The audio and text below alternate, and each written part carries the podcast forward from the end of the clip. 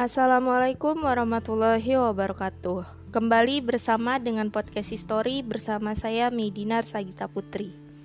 Kali ini podcast History akan kembali membahas firasat kepergian pahlawan revolusi Jenderal MT Haryono. Tanpa berlama-lama langsung kita ke pembahasannya. Ada beberapa firasat yang terjadi menjelang kepergian pahlawan revolusi Jenderal MT Haryono. Firasat tersebut ialah peringatan satu bulan sebelum kejadian G30 SPKI, Jenderal MT Haryono terlibat perbincangan dengan ajudan beliau yang memperingatkan beliau akan keselamatannya dan keluarganya. Ajudan beliau sempat menyarankan bahwa tempat tinggal beliau harus dijaga dengan pengamanan yang sudah disediakan.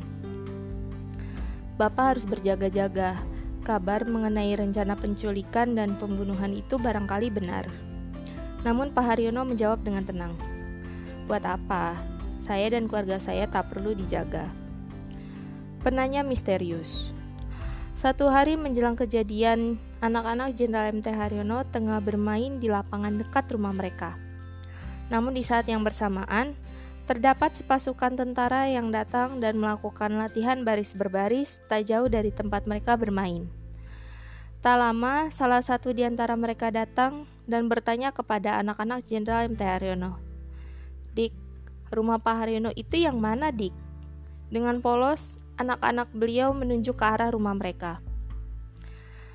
Bab, kalau sudah besar, hindarilah berpolitik.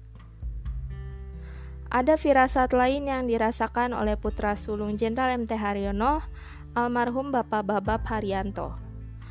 Bapak MT Haryono sempat memberikan petua kepada putra sulung beliau.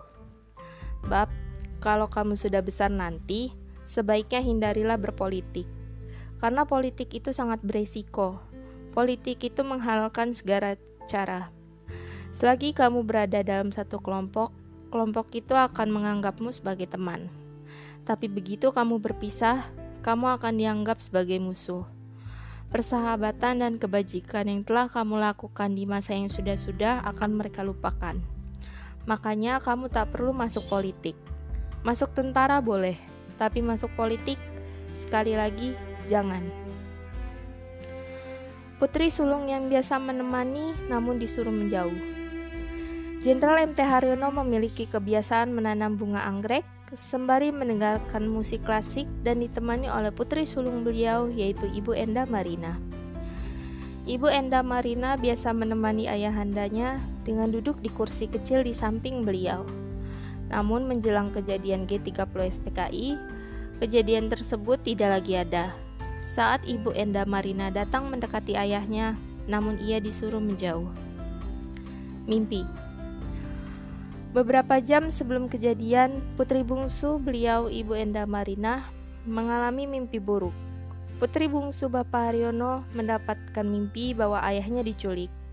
Walaupun sudah melawan, namun beliau tidak bisa karena pasukan yang akan membawa beliau berjumlah sangat banyak dan bersenjata tombak yang sangat tajam.